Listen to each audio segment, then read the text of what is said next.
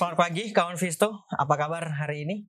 Semoga tetap selalu diberikan kesehatan dan selalu cuan tentunya ya. Baik, kita ketemu lagi di awal pekan ini di masih di Trading Ideas bersama saya. Uh, seperti biasa, sebelum kita lanjut ke Trading Ideas, terlebih dulu kita coba review perdagangan di hari Jumat kemarin atau di akhir pekan kemarin. Nah, kalau melihat perdagangan kemarin itu kan uh, ditutup melemah dan praktis selama sepanjang perdagangan di hari Jumat itu berada di teritori uh, negatif atau berada pada kecenderungan melemah. Indeksnya ditutup di level 6228 atau minus 58 poin atau kalau secara persentase minus 0,9 persen kebalikan dari sehari sebelumnya sehari sebelumnya kita plus 2 persen kemudian di akhir pekan kemarin uh, kita minus uh, ya bisa dibilang satu persen, jadi masih surplus satu persen gitu ya. Sama apa saja yang banyak membawa uh, indeks melemah? Yang pertama ada BCA, kemudian Bian, ada Masa, Unilever, kemudian ada TPIA. Itu lima besar yang membawa indeks melemah. Kemudian sama apa saja yang mampu uh, menahan laju pelemahan indeks? Yang pertama ada BRI, kemudian ada DSSA, ada Pegas, kemudian ada Supra, dan terakhir ada uh, eh, WSKT atau Waskita gitu ya. Itu untuk uh, eh, IDX moversnya. Kemudian bagaimana dengan transaksi asing? Di perdagangan kemarin, hari Jumat kemarin, asing itu mencatatkan net sell sebanyak 10 triliun. Nah, ini ini menarik juga. Uh, banyak sih ini. Tapi kalau coba kita bedah, 10 triliun itu uh, regulernya atau di pasar reguler sebenarnya asing masih mencatatkan net buy sebanyak 1,36 triliun. Tetapi di pasar negonya atau di pasar non reguler asing mencatatkan net sell sebanyak 11,8 T. Itu terjadi karena uh, perubahan kepemilikan dari Supra yaitu yang dibeli oleh uh, Tower ya atau anak perusahaannya Tower gitu. Sarana, anak perusahaannya Sarana. Nah, kemudian saham apa saja yang banyak dibeli oleh asing di perdagangan kemarin? Itu ada BRI menduduki peringkat teratas, kemudian ada Telkom, BCA, Astra, dan yang terakhir ada Bank Mandiri. Itu lima besar saham yang banyak dibeli oleh asing di perdagangan kemarin. Kemudian saham apa saja yang banyak dijual oleh asing? Yang pertama ada ABMM, kemudian Excel, ada Unilever, PTBA, dan terakhir ada DMMX. Itu lima besar yang banyak dijual oleh asing di uh, perdagangan akhir pekan kemarin. Bagaimana dengan hari ini? Ya, kalau kita lihat pergerakan indeks di perdagangan kemarin kan memang ditutup uh, sorry ya ditutup melemah. Sejak awal dibuka memang sudah melemah, kemudian terus mengalami tekanan uh, jual sampai dengan sempat juga uji support level yang ada di 6180. Uh, Hanya saja kemudian mampu uh, ditutup menguat sedikit meskipun belum mampu uh, apa namanya berada di atas uh, opening price-nya gitu ya. Dan saya pikir ini akan berpotensi untuk uh, mengalami konsolidasi dengan kecenderungan uh, tentu masih kecenderungannya sih masih melemah. Tetapi bisa saja di awal di awal perdagangan dia mampu dibuka menguat. Intinya sih yang ingin saya sampaikan adalah bahwa yang terjadi di perdagangan kemarin berdasarkan ini berarti banyak orang uh, melakukan aksi profit taking gitu ya. Karena memang sehari sebelumnya memang sudah uh, menguat dengan uh, banyak banyak gitu ya. Nah di range pergerakan diperkirakan antara 6185 sampai dengan 6260.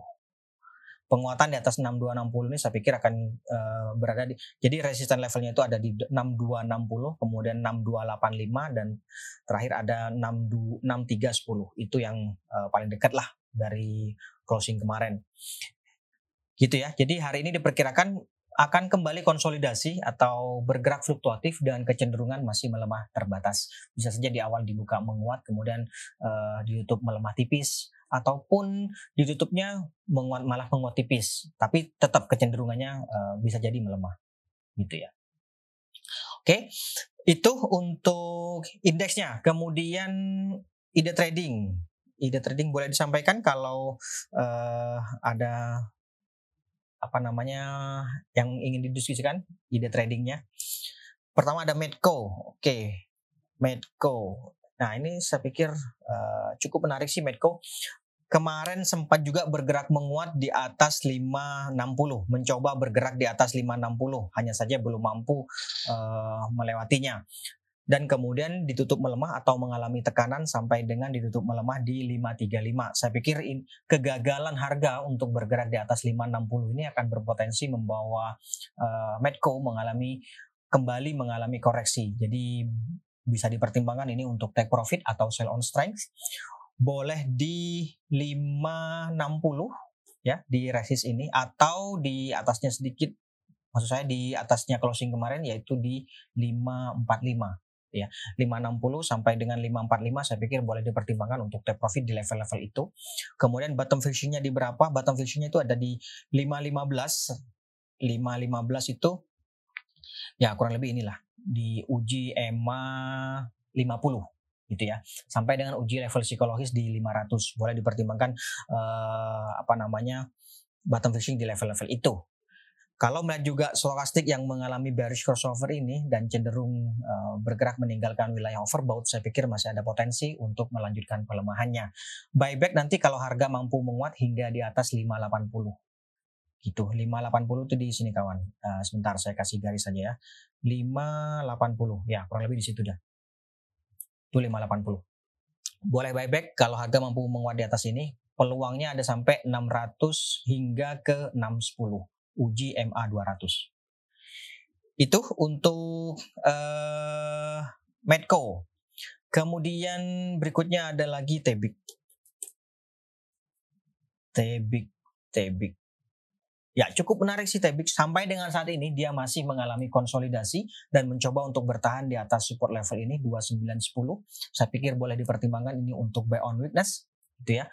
Jadi sebenarnya dengan kondisi indeks yang seperti sekarang ini tadi uh, uh, apa namanya lupa saya sampaikan secara keseluruhan kalau melihat indeksnya itu ada dua. Yang pertama buy on weakness bagi yang mau beli. Kalau yang sudah punya bisa coba uh, dipertimbangkan untuk lihat bagaimana kondisinya kalau uh, cenderung melemah saya pikir ada peluang ada poten, ada baiknya untuk take profit gitu ya tapi secara keseluruhan kalau mau beli idealnya adalah buy on weakness termasuk ini nih Tebik Tebik bisa juga dipertimbangkan untuk buy on weakness boleh di 2910 sampai dengan 2950 saya pikir sih masih boleh ini Uh, sampai dengan saat ini yang jelas dia masih mencoba untuk bertahan di atas 2910 ini atau mengalami konsolidasi gitu ya. Indikasi bullish crossover yang terjadi pada stokastik ini saya pikir memberikan peluang untuk uh, menguat dalam jangka pendek. Target penguatan ada di 3050 sampai dengan 3100 boleh dipertimbangkan untuk take profit di level-level itu.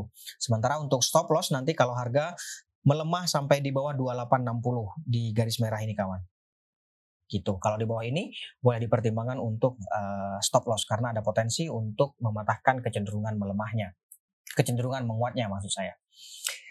Gitu untuk uh, Tebik. Berikutnya ada BNI, BNI.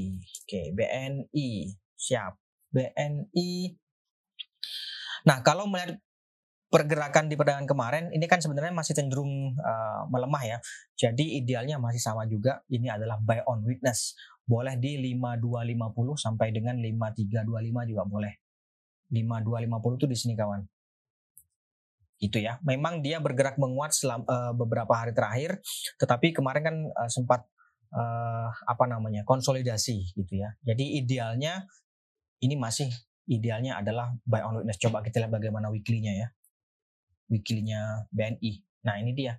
Weekly-nya ya saya pikir masih ada peluang memang masih untuk bergerak muat tapi idealnya kalau mau masuk itu sama yaitu buy on witness gitu. Target penguatan ada di sini 5 500 5 500 kawan 5500 sampai 560 saya pikir uh, bisa dipertimbangkan untuk take profit di situ. Kalau misalnya dapat harga di 5250 saya pikir 5500 cukup sih. Gitu ya. Atau kemarin-kemarin misalnya sudah ikut atau kemarin ikut bisa juga dipertimbangkan di 5500 atau di atasnya sedikit lah. Ya yang jelas lim, uh, take profitnya boleh dipertimbangkan di 5550 eh sorry 5500 sampai dengan 5650 di level-level itu.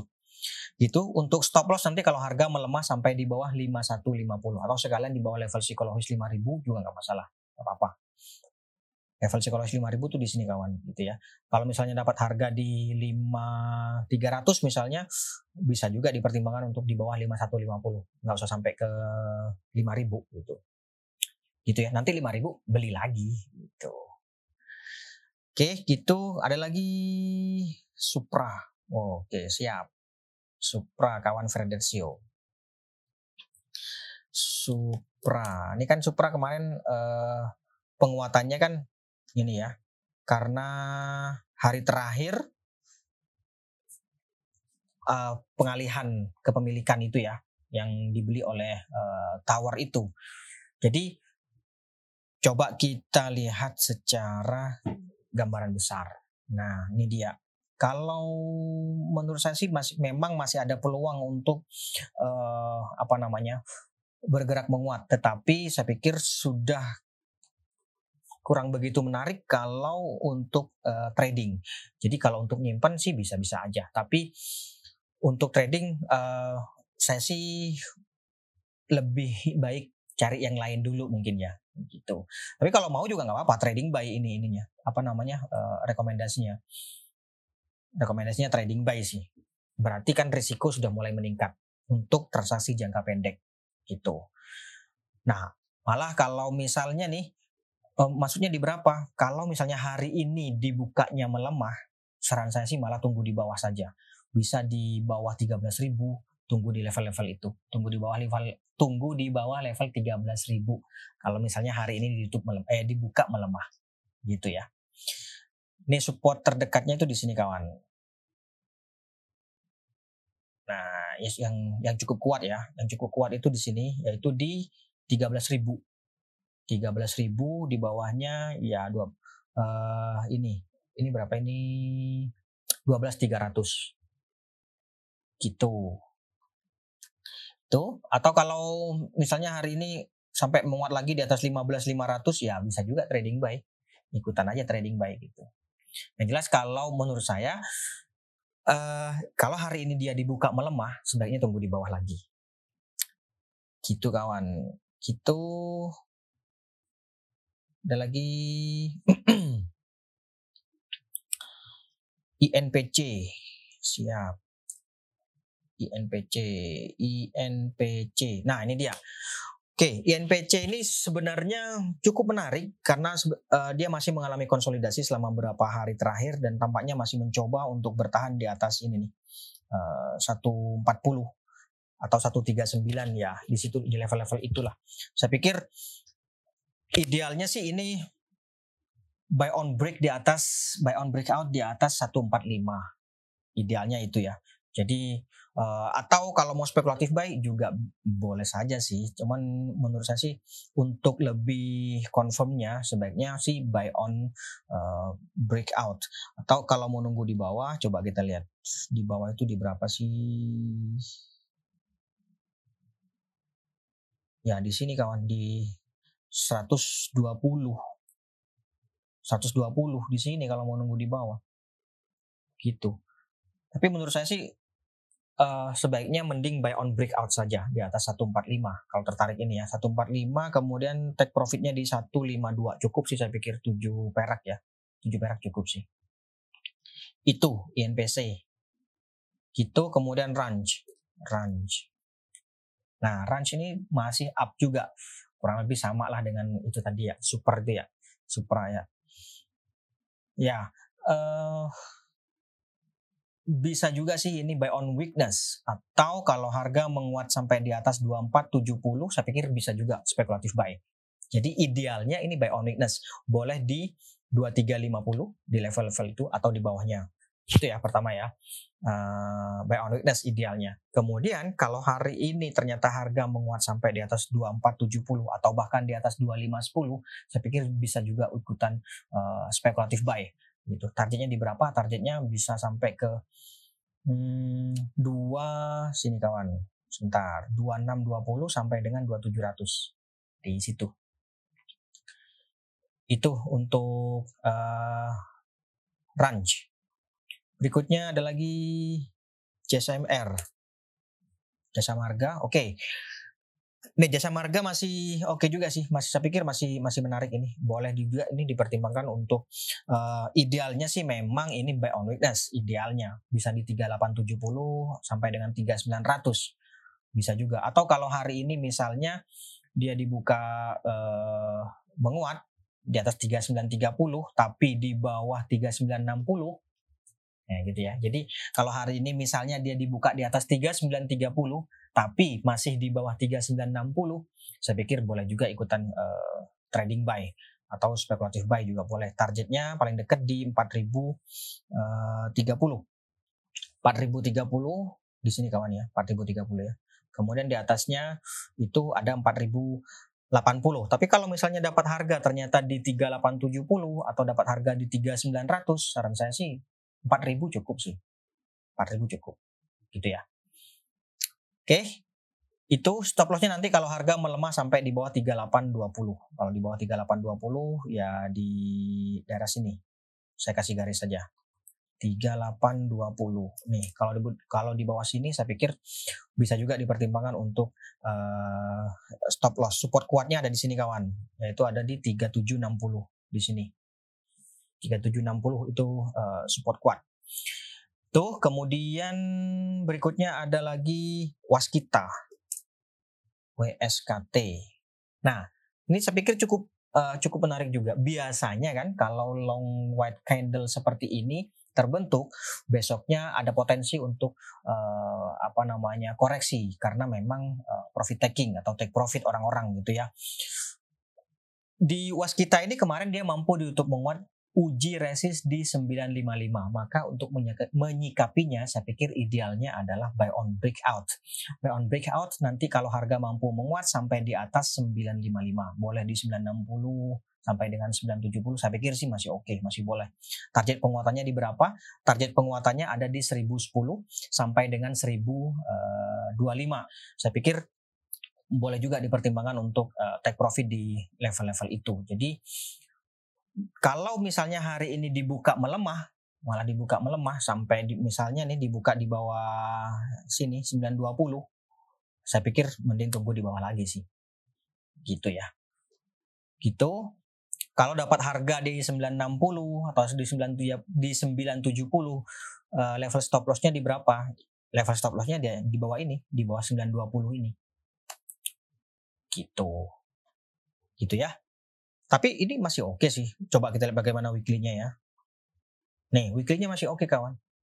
Jadi maksud saya begini, kalaupun uh, nanti misalnya ternyata setelah beli uh, mengalami koreksi sedikit, itu ya, ini short to medium masih oke. Okay. Coba kita lihat bagaimana nih. Ini weekly uh, eh, MACD-nya, yaitu Golden Cross di weekly MACD-nya dan menunjukkan bahwa uh, seharusnya short to medium ini berada pada kecenderungan menguat. Gitu. Oke. Cukup menarik uh, untuk kita ya. Baik, ada lagi? Ada lagi nggak? Uh, sebentar. BSD. Nah, BSD ini uh, menarik juga ya lucu-lucu menarik gitu ya. Jadi kemarin dia sempat uji resist yaitu ada di uh, sini kawan di 1040. Kalau melihat ini, melihat apa namanya? Hmm, stokastik yang bearish crossover ini kan berpotensi untuk uh, mengalami koreksi jangka pendek. Juga kemarin dia setelah menguat atau uji resist di 1040 dia mengalami tekanan jual sampai ditutup di 1005 itu yang pertama. Jadi ada potensi untuk mengalami koreksi. Tetapi menariknya adalah kita lihat di sini ada golden cross yang terjadi pada EMA uh, 50. Berarti secara jangka pendek memang dia potensi mengalami koreksi. Tetapi untuk uh, suatu medium kembali suatu medium itu ada peluang untuk uh, apa namanya reversal. Coba kita lihat bagaimana weekly-nya ya. Nih, weekly-nya juga kurang lebih sama nih. Ini juga golden cross juga. Jadi untuk menyikapi hal yang seperti ini idealnya bagaimana? Apakah buy on breakout juga sama seperti tadi was kita? Ya boleh. Kalau misalnya uh, bisa di atas 1040 itu bisa kita ikutan. Tetapi idealnya ini adalah buy on weakness. Kalau ini idealnya adalah buy on weakness. Boleh di 965 di level-level sini gitu ya. Atau uji EMA 50 itu di 975 jadi 965 975 saya pikir boleh di level-level itu atau uh, buy on weakness gitu ya. Tapi kalau ternyata nggak nyampe nggak nyampe di situ keburu naik misalnya di atas 1040 saya pikir bisa juga sih ikutan spekulatif buy. Nanti jualnya di berapa? Ini jangka pendeknya 1100 itu atau uji MA 200 gitu. Gitu ya untuk uh, eh, BSD ada lagi kah? Sebentar saya lihat dulu. Oke, nggak ada ya. Baik, saya pikir itu dulu mungkin untuk hari ini kawan Visto. Terima kasih atas uh, kehadiran dan partisipasinya. Kita jumpa lagi besok. Dan sekali lagi saya sampaikan bahwa investasiku sampai dengan saat ini tidak pernah menerima pengelolaan dana gitu ya. Tidak pernah menerima pengelolaan dana apalagi sampai menjanjikan keuntungan. Jadi kalau misalnya sampai ada pihak-pihak yang mengaku dari investasiku uh, mengelola dana menariki uh, apa ya ya mengelola dana bisa dipastikan itu bukan dari kami gitu ya. Baik sekali lagi terima kasih dan selamat pagi. Salam investasiku for better tomorrow for better tomorrow.